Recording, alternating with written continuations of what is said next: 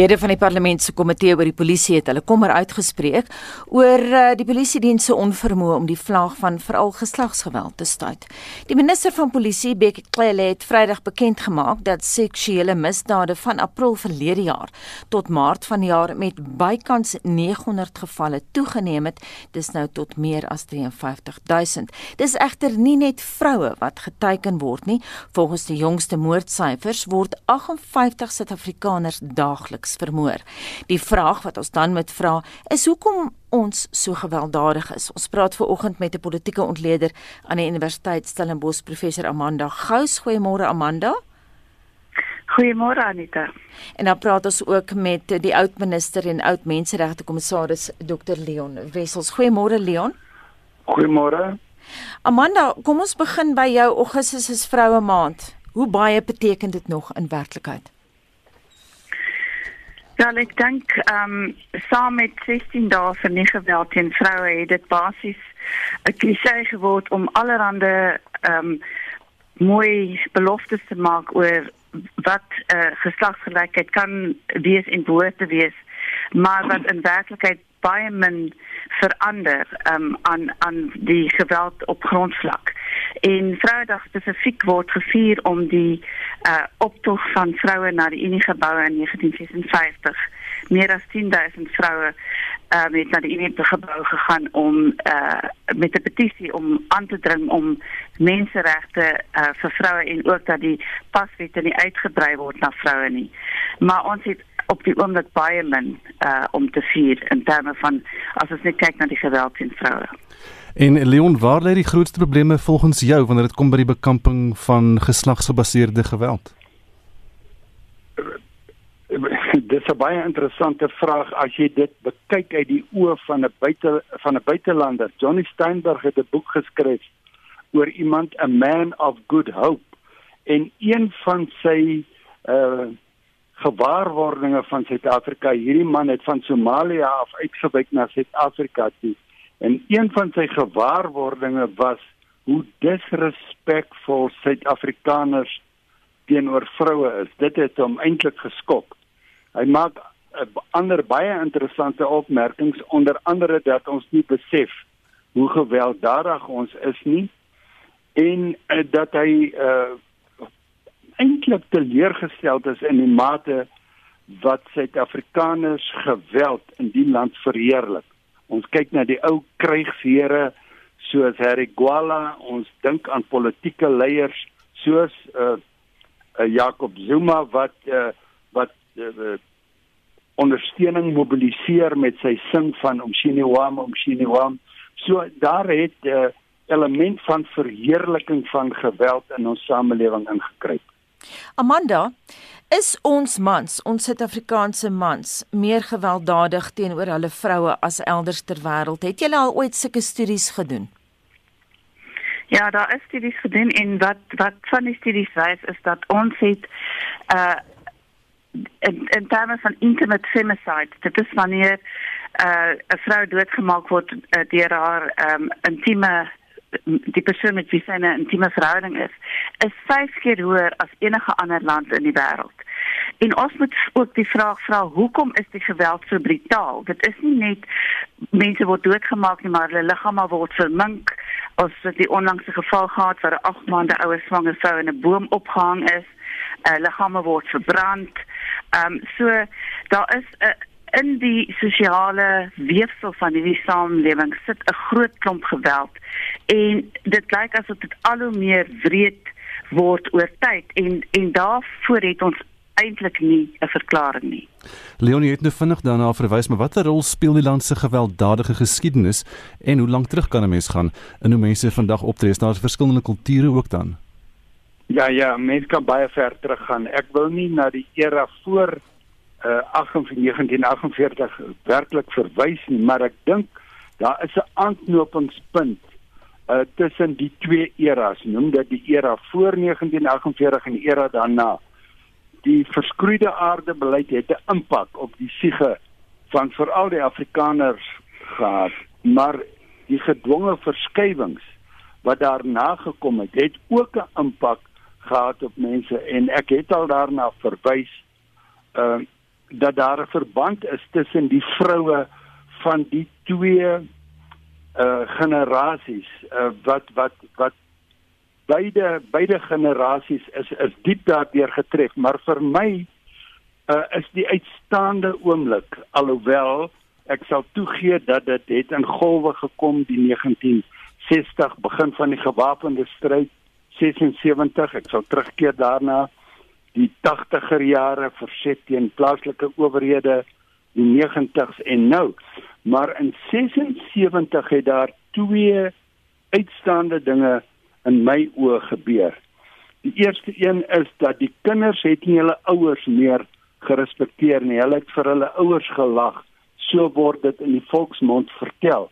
Ouers het weggehardloop vir die polisie. Hulle het onder beddens weggekruip en die kinders het eenkant gestaan en vir hulle ouers gelag. En tweedens was daar die absolute disrespek van daai jong generasie, nie net vir hulle ouers nie, maar vir uh staats uh, instellings, die uh, die die die instellings wat die staat verteenwoordig het, soos buursale, uh, administrasiegeboue en so meer is goedsmoeds en daar is die aftakeling van gesag in my oë uh, 'n hoogtepunt bereik. Amanda, hoe verander 'n mens so 'n kultuur van geweld? 'n Paar jaar gelede het ons op die woordfees gepraat van 'n verkrachtingskultuur op die land se kampusse. Nou ek wil net eers terugstaan by die oorsake van geweld. Ek dink ons moet baie versigtig wees om nie 'n uh, een uh, oorsaak uit te sonde vir die geweld nie soos die die uh die geskiedenis van geweld nie. Ons moet ook kyk na die feit dat ehm um, daarby want want dan fokus ons net op die die oortreders, maar en dit bring weer die die fokus terug na mans, maar daar is ook die feit dat ehm um, dat dit basies gaan oor die fragiele ma, um, manlikheid van mans. Maar daar's ook die teorie wat sê nee dit is te veel ehm um, selfvertroue wat mans het en dat hulle soort van entitled is uh, byvoorbeeld om seks met vrouens te hê en as hulle dit nie kry nie uh, dan dan is raak hulle gewelddadig uh en die, as ons kyk na die die geweld van die verlede dan moet ons ook die vraag vra hoekom het vrouens nie gewelddadig geword nie? Hoekom is dit spesifiek mans wat gewelddadig word? So ehm um, jy weet ek dink daar is daar die die oorsake is baie kompleks. Daar's ook die uh, sosiale marginalisering en uitsluiting van mans wat nie meer broodwinners kan wees nie wat voel vroue het te veel regte en so aan. So die oplossing moet 'n baie uh 'n soort van veelduidige oplossing wees wat wat meer as na, na meer as een oorsaak kyk. Maar ek dink werklik dat ons fokus op die feit dat die die regstelsel dit moet hanteer. Met ander woorde die die oortreders moet gevang word hulle moet deur hofsaak gaan en hulle moet gefonnis word. Dit is altyd na die geweld gebeur het en dit is een oortreder op 'n slag.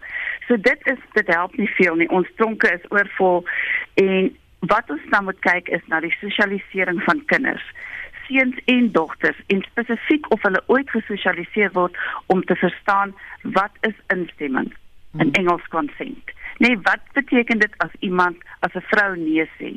Ehm um, wat beteken 'n uh, gesonde intieme verhouding? Hierdie goed word nie gesosialiseer nie.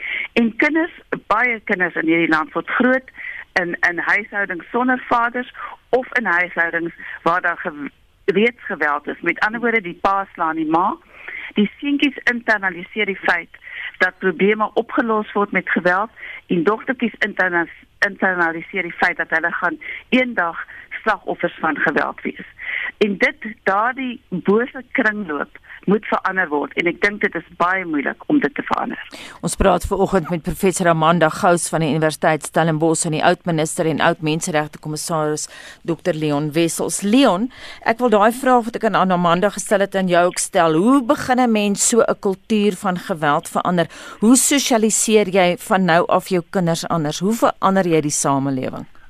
Ek gou verskriklik uh, baie van Amanda se se antwoord op jou vraag uh, die veelkantigheid uh, van die probleem uh, dui op die kompleksiteit daarvan. Ek ek luister hoe politieke partye uh, die die staat, die minister van uh, van polisie uh, vasvat. Dit, dit dit gaan oor die werwing van polisiebeamptes, dit gaan oor die opleiding van polisiebeamptes, dit gaan om beter tegnologie, maar die probleem is inderdaad meer diep liggend as dit. En in vanoggend uh, se netwerk 24 programme vra Johanna van Eden die vraag dat te midde van hierdie pandemie waarin ons nou leef, wat is die probleem? En die probleem uh, uh, uh is omvattend en die antwoord is is veelkantig. Dan moet 'n grotere aanslag wees op die probleem. Jy uh om mense voor die hof te sleep en die reg af te dwing is natuurlik belangrik en dit is 'n regte stap. Maar wat was die oorsaak van daardie geweld? Kan ons uh, net eenvoudig uh simplisties sê uh, dit is armoede en honger wat dit gedryf het? Ek ek betwyfel dit. Dit mag 'n faktor wees, maar daar is sekerlik ander faktore ook wat veel wyer strek as nie die staat se verantwoordelikheid. Dit gaan ook oor 'n samelewingsverantwoordelikheid wat ons moet opneem. Ek gou vas met met met met iets wat wat regter Keito Reagan gesê het, maar maar ek wil nie gesprek domineer nie. En Amanda, dis natuurlik nie net Suid-Afrikaners wat moorde pleeg nie. Ons hoor gereeld dat daar buitelanders ook betrokke is by misdaad. Hoe pas dit in by wat reeds in die land gebeur? Wel, ek meen dit is net 'n ander manifestasie van die geweld, die die xenofobie, ehm um, waar buitelanders in Suid-Afrika doodgemaak word omdat hulle die argumente is hulle neem ander mense se werk, ehm um, hulle hulle neem die die Suid-Afrikaanse vroue as 'n vrouens eiendom is. Ehm um, en en dit is die uh, uh, 'n ander manifestasie van hoe gewelddadig hierdie land is. Daar daar is blykbaar baie min empatie met mense wat in in ander situasies is. En en hierdie geweld gebeur ook in in die konteks waar mense meeding om skaars bronne.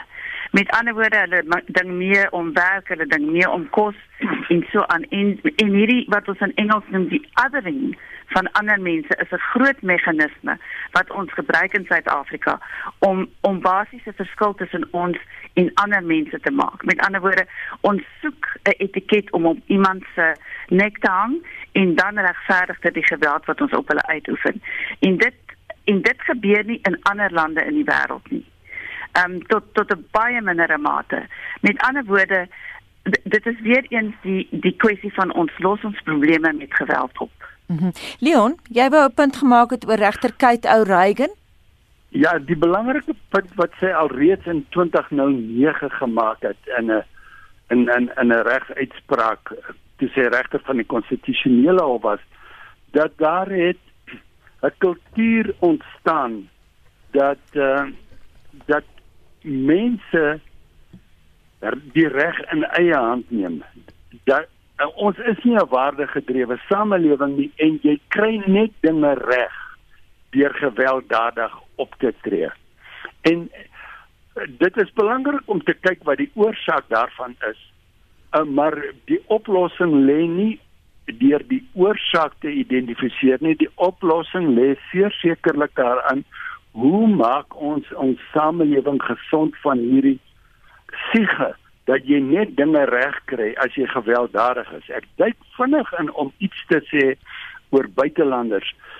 Uh ek ek is bang om om te veralgemeen. My indruk is dat waar daar konflik in 'n buurland is, wapens in in oorvloed uh beskikbaar is. Spoel daardie tipe van gewelddadigheid maklik oor na ons land toe.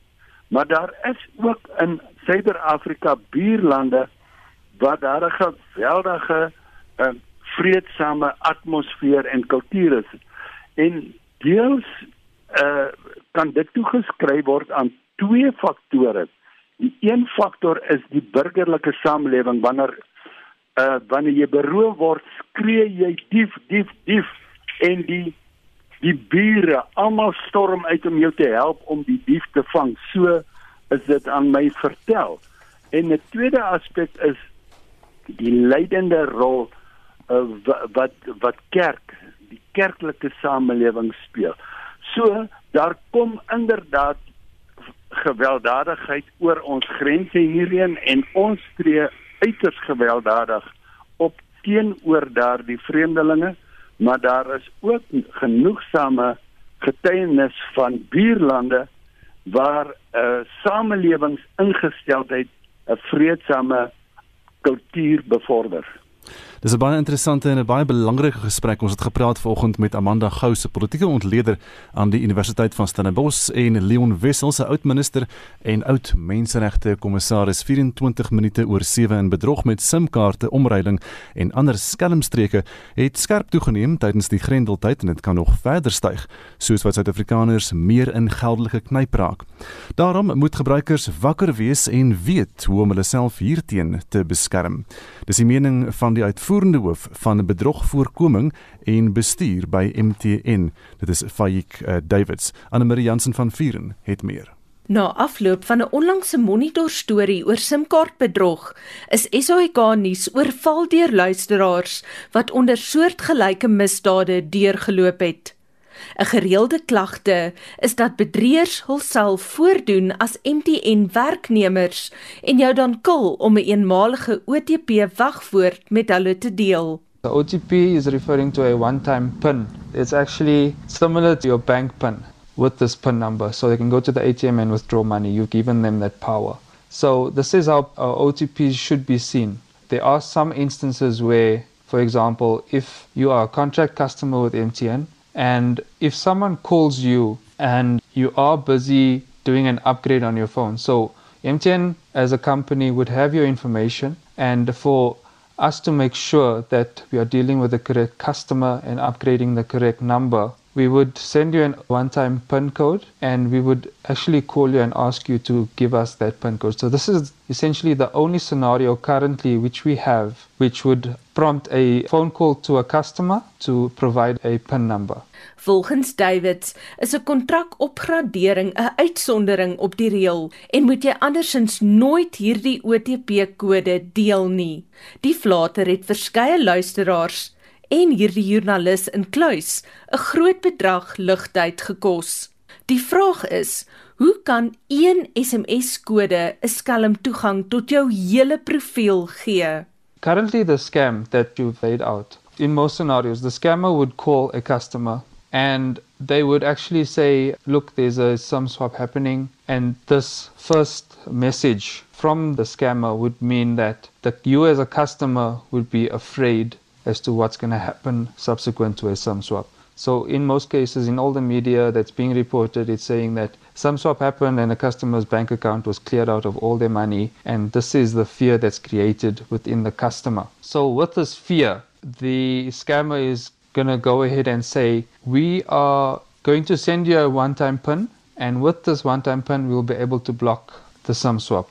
So what the scammer is actually doing, is downloaded the MyMTN app, with this MyMTN app, he's able to log into another SIM card's account. And all he needs to do is put in your number, log in, and when he clicks in the login, it would actually send an OTP to you as a customer. And this is the OTP that you are reading back to the scammer. So once the scammer is actually logged into your MTN app, he is able to see what your current balance is from your airtime, to your data balance, to your loyalty points which you've accumulated. And he's able to actually also transact. He's able to buy bundles on your behalf. He's able to transfer airtime to whichever number he sees fit. And you would also receive an SMS for every time something happens via the MTN app.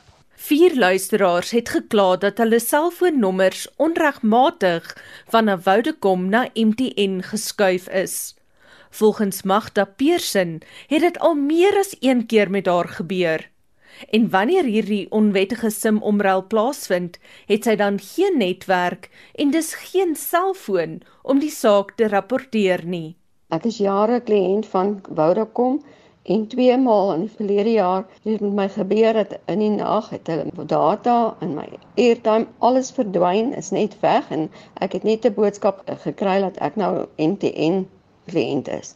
en dis gewoonlik in die nag laat of oor 'n naweek. Jy moet ingaan na die NTN kantore toe. Ek was by Vodacom, Vodacom kon niks doen nie en hulle kon nie my sê hoe wat gebeur nie. Ek moes ingaan MTN toe. En as jy daar kom dan moet jy 3 ure wag voordat jy weer jou foon kan aansit. Jou foon beteken vir jou absoluut niks.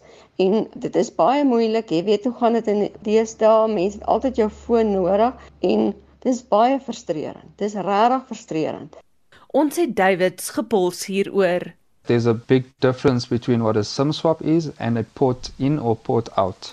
So a SIM swap is when I'm just giving you a, a basic scenario. You as an MTN customer, you maybe lose your SIM card or your phone was stolen and you need access to your number and account again. So you would be able to go into a store, you can go and buy a SIM card and they would perform the SIM swap for you and you would remain as an MTN customer. When it comes to porting in or porting out. A port in for us as MTN would mean a customer would be coming to an MTN branch and saying, I would like to port into your MTN network. And what we would do on our side is we are able to do the necessary checks. We would send the request to the other mobile provider to say, we would like you to send this number over to the MTN network. They would go through the list of numbers that MTN has requested and they would say, okay, we're releasing all of these numbers to you as we are comfortable that these customers are not contract, they're not out of payment. So they would do the checks on their side and they would release the numbers if they see fit. The only check is to say, is this customer owing money? Uh, are they blacklisted? Are they suspended? And then we would make that decision to release a number or not. So, for example, if you go to another provider, they are not able to check what information we have stored for you as a customer before porting out. 'n Skelm kan as te ware by 'n selfoonwinkel instap en met jou inligting 'n versoek rig om jou nommer na 'n ander netwerk oor te skakel. Voorheen kon jou diensverskaffer jou bel om seker te maak dit is jy wat hierdie versoek indien.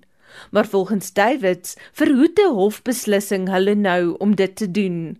There's actually court cases around how porting should happen. And there's been a few cases where the judgment was given that, for example, if we as MTN would maybe go and ask the customer, do you want to allow a port to another provider? That kind of information we were not allowed to send any longer. It was during 2017 when it was still being done by MTN, but a court order actually prevented us from actually going that far. So at the moment, the process for us to release a number what we do is we would send a customer a message to say, please respond within maybe one hour to our call center to say you don't want this sum swap. That is the only thing that we can do based on the court order. So wat kan jy in hierdie situasie doen? If you get a message to say your number is about to be ported to whichever X network and you call us and say you do not want this port out to happen, there is a reversal process and we can actually say we can remove that number from the list of numbers being ported over and say this customer does not want to release this number. That is the only alert that we can ask you to provide us to give us the information to say we don't want this number to port out. En waar kan jy dit aanmeld as jy wel onder selfoonbedrog deurloop? I actually would like to share the email address where the customers can interact with us in yes, the fraud please. department. It's crfraudqueries at mtn.com. CR, what does the CR yes. stand for?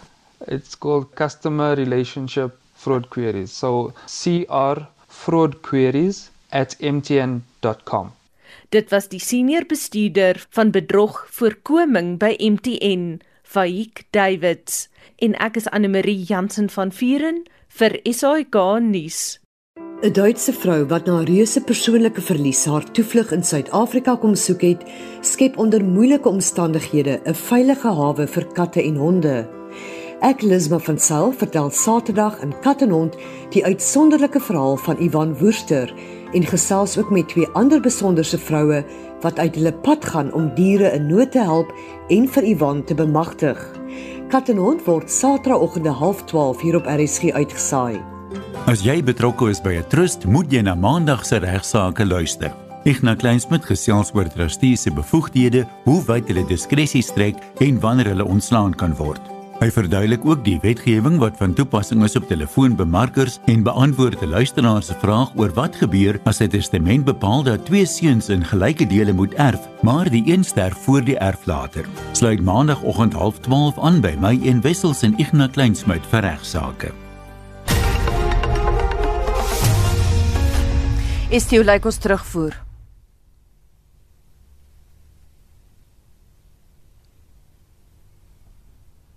Dit lyk nie vir my asof ons op die oomblik vir Essie in die hande kan kry nie. Intussen gaan ons na Pieter van der Berg om te praat oor die naweek se sport. Môre Pieter.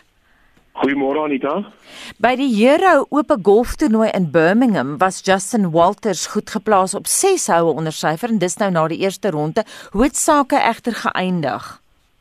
Ja, die toernooi is uiteindelik gewen deur Sam Horsfield wat op 1800 syfer geëindig het na laaste ronde van 70 houe en Thomas Dietrich het daar tweede geëindig op 1700. Nie 'n goeie toernooi vir die Suid-Afrikaners nie. Besgeplaaste Suid-Afrikaner was Louis de Jager wat 51ste daar gemaak het en hy was op 400 syfer. Dan in Amerika was die aksie in Kalifornië waar die Barracuda kampioenskap voltooi is en is Brandon Grace van Suid-Afrika wat tussen die voorlopers was toe hy moes onttrek van die toernooi nadat hy positief getoets was vir COVID-19. Dan op die finale voorlopersbord is dit 'n uh, eh, uh, eh, Ricky Werenski want daar gesien vir dit hy 39 punte aangeteken en een nou naam op 38 punte was Troy Merritt. Ek sien dan dat uh, Fabian Gomez en Matthias Schwab het op 37 punte geëindig. En dan by die Wêreld Golfkampioenskap se Jude uitnodigingstoernooi in Tennessee, het dit beter gegaan met die Suid-Afrikaners. Ek sien daar die toernooi is gewen deur Justin Thomas met 3 houe. Hy was op 1300 na laaste ronde van 67. Brooks Koepka en Phil Mickelson Hulle was saam tweede, saam met 'n paar ander spelers op 10 onder en dan Louis Oosthuizen van Suid-Afrika hy het 60 geëindig op 900 syfer. Christian Besuitnout en Erik van Rooyen hulle was beide in die 20ste posisie gesamentlik en hulle was daar op 600 en dan Anita in vroue golf die LPGA reeks in Toledo voltooi. Nou daar het Amerika se Danielle Kang het sy geseëvier en sy was op 700 syfer. Suid-Afrika se Lee Ann Pace 'n 11de posisie op 1 oor. En dan Paula Retto en Ashley Boy hulle het beide saam geëindig op uh, gesamentlik 28 eerste plek en hulle was op 4 oorsyfer gewees. En op die cricketveld was Engeland en Ierland die afgelope paar dae in eendag wedstryde slaags en dit klink my Pieter Engeland was gans te sterk vir hulle buurland of hoe?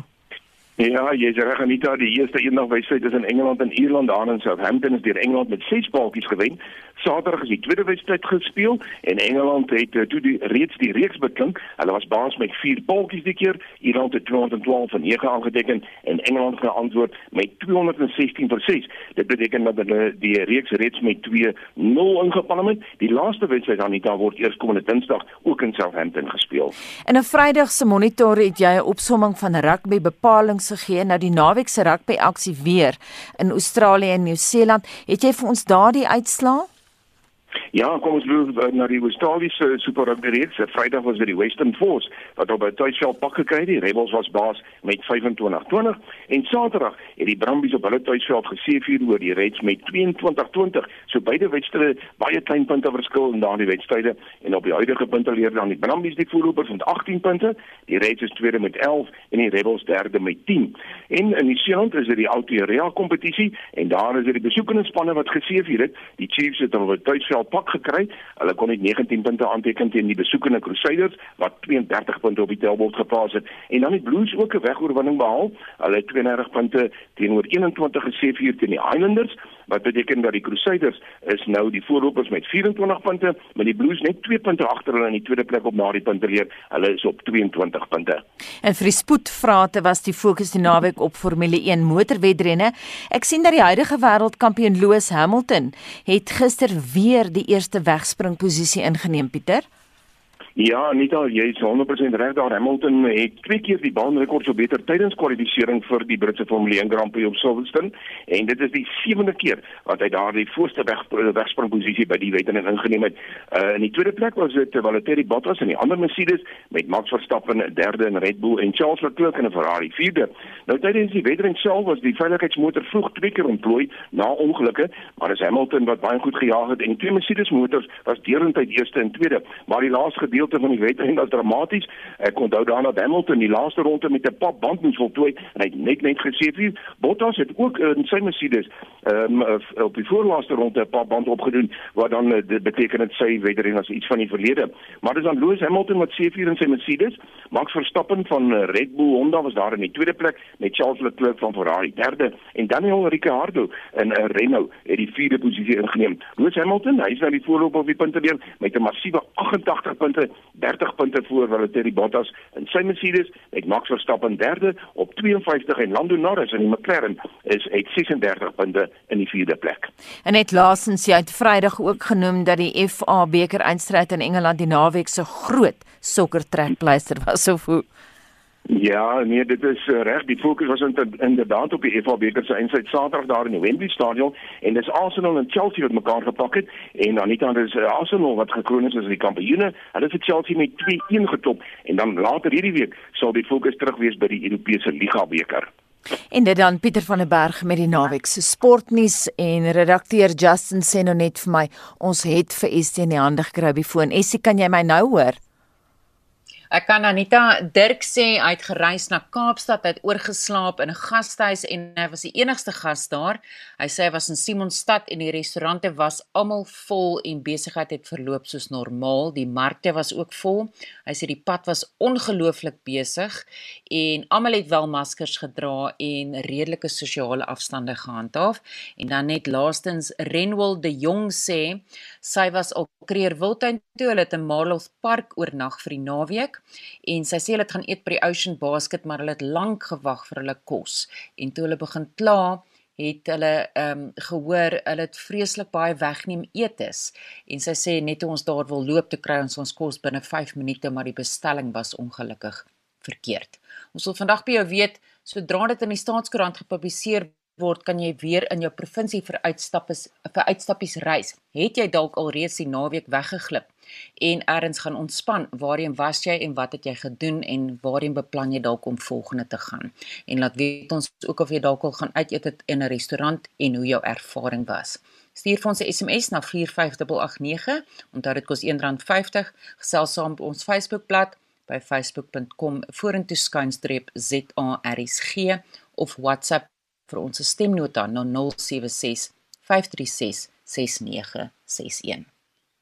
Dis 19 minute voor 8:00 is ingeskakel by Monitor op RSG en die wêreld is aan die gons nadat die Amerikaanse ruimtevaarders Doug Hurley en Bob Behnken veilig terug is op aarde nadat hulle in Mei na die internasionale ruimtestasie gereis het. Marlene Forsie sluit nou by ons aan met meer inligting in die verband. Môre Marlene. Môre Gustav van ons skop sommer met die twee af, hulle die media om die beurt te gespreek. You know, this has been a uh, quite an odyssey the last five, six, seven, eight years. Five years since Bob and I started uh, working on this program, and to be where we are now, the first crewed flight of uh, Dragon is just unbelievable. There's something special about having that capability to launch and, and bring your own astronauts home. And uh, uh, we went through a lot of years without that capability. And I think we're both super, super proud to have been just a small part of the team that uh, accomplished bringing those space flights back to the Florida coast and bringing that capability back to America. SpaceX se stigter Elon Musk se kop is intussen reeds besig met toekomsplanne. You know, I think this is something that the whole world can take some uh, pleasure in and, and can really look at this as an achievement of humanity. You know, there's, there's not that much good news. And, and I think this is one of those, this is one of those, those things that is universally good, no matter where you are on planet Earth. This is a good thing. Dit is vir die eerste keer in 9 jaar dat Amerika Amerikaanse ruimtevaarders met 'n Amerikaanse ruimtetuig wat deur Amerikaners befonds is ruimte toe te stuur. Nou voor die poging moes Amerika 90 miljoen dollar per ruimtevaarder opdok vir 'n sitplek. Dis op 'n Russiese ruimtetuig as hulle ruimte toe gaan. Die Russiese ruimtetuig het nog met twee sitplekke. Nou die Crew Dragon het sewe sitplekke wat elk maar net 50 miljoen Amerikaanse dollar per ruimtevaarder kos. En ons verskuif dan die aandag van die ruimte na die jongste oor die COVID-19 pandemie en uh, wêreldwyd is daar nou reeds meer as 18 miljoen bevestigde gevalle en byna 690 000 sterftes. In Amerika waarsku een van die Withuise COVID-19 spesialiste, Dr. Debra Burks, dat die land 'n nuwe fase betree wat die virus betref en nog 'n spesialis op die gebied, Dr. Saira Madad, is dit eens. We have some models that show that at least 1 in 70 Americans are actively infected right now. So just that number alone, that's a staggering number and we know that for every one case that is laboratory confirmed, there are at least, you know, 25 to 30 cases out there that, you know, obviously are going undetected. En er was 'n infeksie siekte spesialis in Amerika, Dr. Sarah Madad. Sy sê verder dat Dr. Burke se inligting betroubaar is omdat dit van die begin af bestendig is. En dan in Europa as maatreëls teen die verspreiding van die nuwe koronavirus weer opgeskerp is wat gevalle toeneem en dan in Tokio is 'n 10 uur aandklokreël ingestel geen alkohol mag verkoop word in restaurante, karaoke kuierplekke en in 'n kroeg nie. Intussen word die Iranese regering beskuldig van 'n gebrek aan deursigtigheid Leidens se ondersoek is al 3 keer meer sterftes in die land as wat bekend gemaak word, terwyl die aantal bevestigde gevalle 2 keer meer is as wat hulle voorgee. En dan in Brittanje gaan nuwe toetse van volgende week af beskikbaar gestel word aan ouer huise en laboratoriums. Dit kan binne 90 minute bepaal of die betrokke individu COVID-19 het of slegs 'n verkoue. En dan minstens 40 mense is destyds dood toe 'n kabel in die brug ingegee het en die brug ineengestort het, geboue onder die brug. Nee, ek praat nou van ehm um, Genoa. Dit, ons sluit af met nuus uit Italië. Dit is nou 2 jaar na die ineenstorting van daardie um, hier aan die brug Marlene uh, in Genoa mm. in sy plaasvervanger die afgelope naweek het nou geopen en hulle het 'n nuwe brug daar gebou. Mm, mm soos jy genoem het, minstens 40 mense is destyds dood toe 'n kabel ingegee het en die brug ineengestort het en geboue onder die brug asook paaie en motors is vernietig. Maar vir inwoners soos Giorgio Robiano is die wonde nog rou. I feel my heart like uh, split in two, okay, and, one part is missing.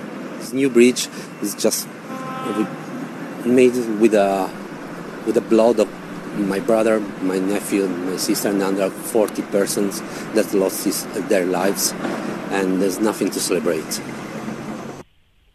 Nou die nuwe brug um, is toegerus met tegnologie wat vroegtydig waarsku indien iets skort en 'n ondersoek na die voorval is intussen geloods deur Italië se openbare vervolger Stefano Pupo dis nou na die um, ineenstorting van die brug so wat 2 jaar terug. Dankie, dit was dan Marlene Forsie met vanoggend se wêreldnuus. Nou ons het vroeër verwys na die omstrede kontrakte in die Vrystaat en oppositiepartye het gevra dat ondersoek ingestel moet word na die COVID-19 kontrakte wat dan nou daar in die Vrystaat toegeken is. En die versoek is gerig na beweringe dat die COVID-19 kontrakte wat meer as 2,7 miljoen rand werd is, gegee is aan die seuns van die ANC se sekretaris-generaal Ys Magashule. Is die klerk berig?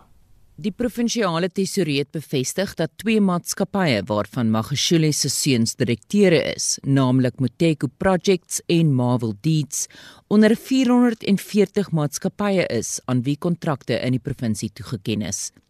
Die tesourier het egter beweringe ontken dat die kontrakte toegeken is weens die verhouding tussen die LER vir finansies en Magashule. Maar oppositiepartye eis dat ondersoek ingestel word. Die EFF se voorsitter in die provinsie, Mandisa Makeseni, sê dit is nie net Magashule se seuns aan wie kontrakte toegeken is nie. We knew that issue of the PPEs is going to be the way how they are going to steal. We were not surprised. We expected this. It's not only the children of Magashule. Is that most of the children who are related to the leadership of the ANC, their family members, their friends, their children, their wives, are part of the scandal of the PPEs in the province. Let everyone who's implicated must be investigated, and all of them, they might face the full mercy of the law. We will assist the police, We will give them the company names that other they are still hiding, they benefited in this, in this process of the PPEs. Die DA se hoofsweep in die provinsie, David van Vuren, sê daar moet teen diegene opgetree word wat skuldig bevind word. It's unacceptable that the former premier use his powers and his influence to benefit out of these contracts. We're going to put pressure on the ANC to investigate this matter. Unfortunately, it is evident that Ysma Gashule is still in control in the Free State and that his tentacles is deeply entrenched in the finances in the Free State. We're also going to ask President Cyril Ramaphosa to investigate this matter, and it's now time that he stand up and show that he's got a backbone to stand up against his Secretary General, Ismagashule. Die Vryheidsfront Plus lid in die provinsiale wetgewer, Dever Smit. Allegations that tenders for PPEs in the Free State were allocated to the sons of Ismagashule once again shows that the ANC does not care about the people but only to enrich themselves. The Freedom Front Plus will continue fighting to combat these type of tenders. Magashule se seun, Tsepiso, wou geen kommentaar lewer nie. In 'n verklaring het die tesourier gesê die ALR vir finansies, Khadija Brown, het 'n audit van die COVID-19 kontrakte aangevra. Hierdie verslag is saamgestel deur Makgala Masiteng in Bloemfontein. Ek is Estie de Klerk vir SAK nuus. Die Mangaung Metro se vergadering verlede week oor die toekoms van die munisipale bestuurder, advokaat Tankiso Mia, het niks opgelewer nie. Dis die mening van een van die DA kiesafdelingshoofde in Bloemfontein en 'n parlementslid, Werner Horn. Mia is 'n versoelde ANC politikus wat as stadsbestuurder dien. Hy's iemand wat histories baie naby staan aan die spreker van die munisipaliteit wie 'n baie senior leiersfiguur van die ANC in die ou Motayo streek is waarvan die Mangaung Metro deel uitmaak. Dit gaan oor politieke beskerming eerder as 'n objektiewe evaluering van sy mislukkings in die stoel van munisipale bestuurder. Die spreker is Mogolise Sionzana. Hy's uh, die voorsitter van die ANC in die Motayo streek en 'n redelik senior figuur van die ANC in die Vrystaat wat histories ook baie naby aan Ysmagashule staan as 'n mens op daardie manier 'n legkaart kan probeer voltooi. Wat beteken advokaat Mia se bestuur vir dienslewering in die Mangaung Metro? Nee, advokaat Mia se bydrae tot dienslewering was katastrofies sedert hy aangestel is. Die nuwe bestuur waarvan hy aan die hoof staan na die 2016 verkiesing het weliswaar nie die Metro geërf wat in die finansiëel beste posisie in die land was nie. Maar op daardie stadium was die Metro byvoorbeeld nog nie een van daardie wat gedurig op die rand was van Eskom om ligte af te sit of waterrade wat rou water se voorsiening aan die Metro gedreig het om te stop weens wanbetaling nie. En sedertdien net byvoorbeeld die stukkie inligting dat ons water skuld aan bloemwater gestyg het nou tot amper 'n miljard rand waarvan daar so 140 miljoen rand in dispuut is volgens die metro maar selfs as mens dit so aftrek ja, steeds op die metro se eie weergawe hulle bloemwater nou 800 miljard rand skuld en sedertdien Eskom ons gedurig ook kennisgewings gee dat hulle van plan het om ons elektrisiteitsvoorsiening te beperk omdat die metro en Sentlek se elektrisiteitsverbruiker nie die rekeninge aan Eskom gereeld genoeg betaal nie. Net daardie stukkies inligting moet vir jou 'n aanduiding gee tot watter mate hy dood eenvoudig nie in staat was om die regte stelsels in plek te plaas om die metro se geldsaake gesond te bestuur nie. Wat gaan gebeur nou? Van ons kant af gaan ons nie ophou om die druk op te sit nie. Wat ons aanbetref is dit sodat objektief gesproke Mia net nie die oplossing is nie. Dit is sodat die metro gedeeltelik ook onder administrasie is in terme van die grondwet, die tipe administrasie waarvan daar nou kom ons sê hulp gestuur is van die provinsiale administrasie, maar selfs dit het tot nou toe nie die nodige vrugte afgewerk nie. So wat ons aan betref, moet wat die administrasie aanbetref, huis skoon gemaak word en daar moet kundige mense aangestel word om aan die hoof van die administrasie te staan wat die nodig kan doen om die geld wat die metro moet invorder in te vorder en om te prioritiseer dat diensverskaffers betaal word en basiese dienste op 'n deurlopende basis gelewer word. Werner Horren, hy is 'n kiesafdelingshoof van die DA en 'n lid van die parlement en hy het met Mitsi van der Merwe gepraat. En ons bly by die storie Dr Ina Gous van die program vir regeringskunde aan die Universiteit van die Vrystaat sê die Mangaung Metro se probleme word veroorsaak deur die afdwing van politieke mag. Wat is spesifiek nou kyk na die metro? Die nuus bly byvoorbeeld die metro elke jaar afgedeer. Dit gaan oor finansiële hulpbronne en die finansiële herstelplan wat misluk as gevolg van swak regering om 'n voorbeeld te neem. En dat die keer-generaal se verslag vir die metro is verdoemend jaar na jaar. Maar alle redes word aangevoer om die huidige staatsbestuurder en die burgemeester in hulle poste te behou onder die omstandighede wat niemand kan begryp nie. Dit is 'n gewone benadering van die ANC waarin ons nou al gewoond is naamlik om dissiplinêre sake uit te rek en te sorg dat persone wat politieke beheer oor departemente of administrasies uitoefen, solank as moontlik in die posisie bly. En met die hulp van betaalde verlof of skorsings bly die poste vir hierdie doel uit die hande van iemand wat die status quo kan bedreig. So wonder mense, dit kan tog nie vir altyd so aangaan nie. Hoe gaan dit lyk op die einde? Wanneer gaan dit in mekaar val want hoeveel mag het jy as jy nie geld het nie? Die groot aspek hiervan is dat die metro onder administrasie geplaas moet word al is in die verlede soos ons weet en dat die verantwoordbaarheid wat dan daaruit moet volg net nooit gebeur nie. Nou daarin kan 'n mens nie veel iets doen as die provinsie nie ingryp en hierdie mense aan die pen laat draai, uit die poste verwyder wanneer dit tyd is en ten minste die proses aan die gang sit om hulle uit die poste uit te kry. Ons weet hierdie kenmerk van die administrasie is 'n hardnekkige politieke onwilligheid om hierdie basiese beginsel in verband met goeie skoon en verantwoordbare bestuur aan te wend. So alhoewel hulle voortdurend gewaarsku word om nodige stelsels in in plek te kry om inkomste te verhoog byvoorbeeld, is die koers net altyd onder die persentasie wat die metro nodig het om behoorlik te kan funksioneer. En ontsettend baie geld word ook aan konsultante spandeer wat geen positiewe verskil maak in hoe die metro regeer word nie. En die oppositie gaan al hoe meer regstappe moet oorweeg om hierdie situasie aan te spreek wat baie geld gaan kos, tyd gaan neem, maar wat op die ou einde dalk die enigste resultaat kan lewer wat 'n positiewe effek gaan hê. Wat eintlik op die ou einde die enigste manier is om die probleem op te los, is met 'n hele nuwe administrasie, 'n hele nuwe regime in plek en ons weet almal dit gaan nog 'n tyd neem indien ooit. Dis Dr Ina Gous van die program vir regeringskunde aan die Universiteit van die Vrystaat en sy het met Mitsi van der Merwe gepraat. Baie kort SMS terugvoer ST. Anita, daar's 'n tannie Lena van Kaapstad wat vir ons skryf, dis vir heerlik om te hoor hoe mense weer kan rondry en dit moet so goed wees vir die siel. Sy sê sy is in haar aftreeoord in Kaapstad en daar mag hulle nie eens by mekaar kuier nie. Sy sê ons eet sedert Maart nie meer saam in die eetsaal nie en alle aktiwiteite is gestaak. Ons het nog nie COVID onder inwoners gehad nie, maar wel onder personeel. Wanneer gaan ons weer 'n koppie tee saam met 'n vriendin kan drink?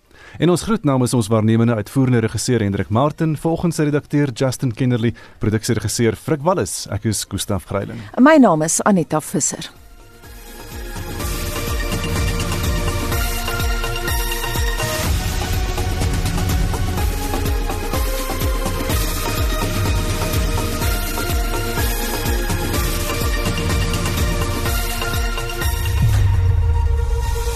SAK nuus. Onafhanklik, onpartydig.